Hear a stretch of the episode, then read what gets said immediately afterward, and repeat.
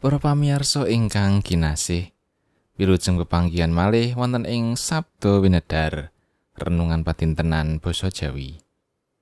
Ing dinten ingkang mirunggan menika kita badhe ngegilut pangandikanipun Gusti saking Lukas bab 18 ayatipun gangsal welas ngantos pitulas. Sadaringipun monggo kita ndedonga. Duh Gusti Allah Rama kawula ingkang dedampar ing kraton swarga mulya saha langgeng.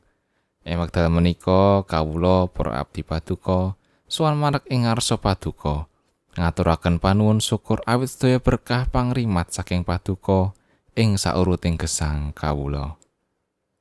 Duh Gusti manah kawula sampun sumadyo mirengaken sabda paduka. Mugi roh suci nyagetaken kawula mangertosi lan nindakaken karsa paduka menika. Kawula ngrumaosi taksih kathah dosa lan kelepatan ing gesang kawula. Mugi paduka kersa ngapunteni. Matur nuwun Gusti. Wonten ing asmanipun Gusti Yesus Kristus pandonga menika kawula unjukaken. Amin. Wawasan kapendet saking Lukas bab 18 ayat kang 11 ngantos 17. Injil Lukas bab 18 ayat kang 11 ngantos 17. Tumuli ana wong kang padha teka nyuwanake anak-anake kang isih cilik marang ing ngarsane supaya padha diasta. Sumurup kang mangkono iku para sakabate padha nepsu marang wong-wong mau. Nanging banjur padha ditimbali dening Gusti Yesus sarta padha dipangandikani. Cek ben bocah-bocah padha marani aku, aja kok penggak. Sabab wong-wong kang kaya mangkono iku kang duweni kratoning Allah. Aku pitutur marang kowe. Satemene sing sapa anggone nampani kratoning Allah ora kaya bocah cilik iku ora bakal lumebu ing kono. Mekatan pangandikanipun Gusti ayat nat saking ayat 16 Cik ben bocah-bocah iki padha marani aku aja kok penggak. Sabab wong-wong kang kaya mangkono iku kang duweni kratoning Allah. Renungan keparingan jejer ramah anak Para anak ing satengahing brayat lan masyarakat, racakipun dereng dipun anggap gadah adek ingkang murwat. Kadangkala tasih wonten tetembungan, "Ah, bocah wingi sore ora perlu melu-melu." Kawontenan makaten ugi tasih kelampahan ing gesanging gereja kita. Ing gereja adekipun para anak ugi dereng dipun papanaken ing sakmestinipun.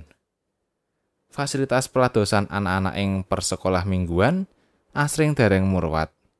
Kelas-kelas sekolah minggu inggih tasih namung sawontenipun. Kanyatan ingkang mekaten ugi kelampahan ing jamanipun Gusti Yesus. Nalika anak-anak kasuwanaken dhateng Gusti Yesus, lah para sekabatipun Gusti malah nepsu dhateng ingkang nyuwanaken. Lah kok para anak disuwanake durung wancine? Ora pantes.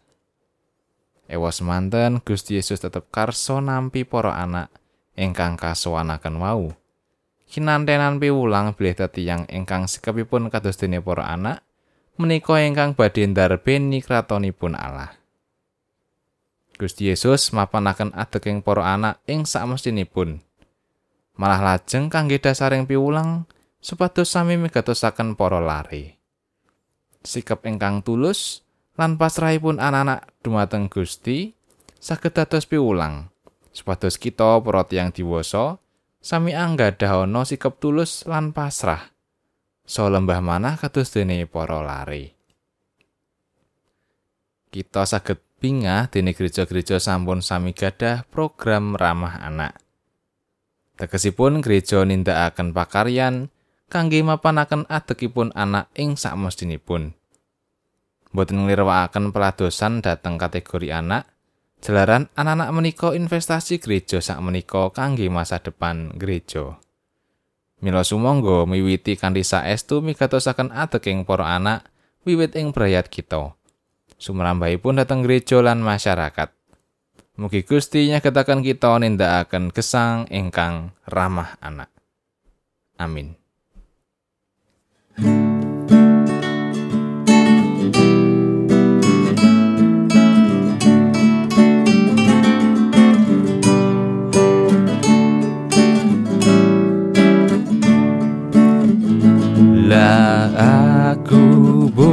Bocah rayu aku kudu ngitung duwe omalan wong tuwa sedulur lan mitra. Ngara opo maneh aku? La aku cahaya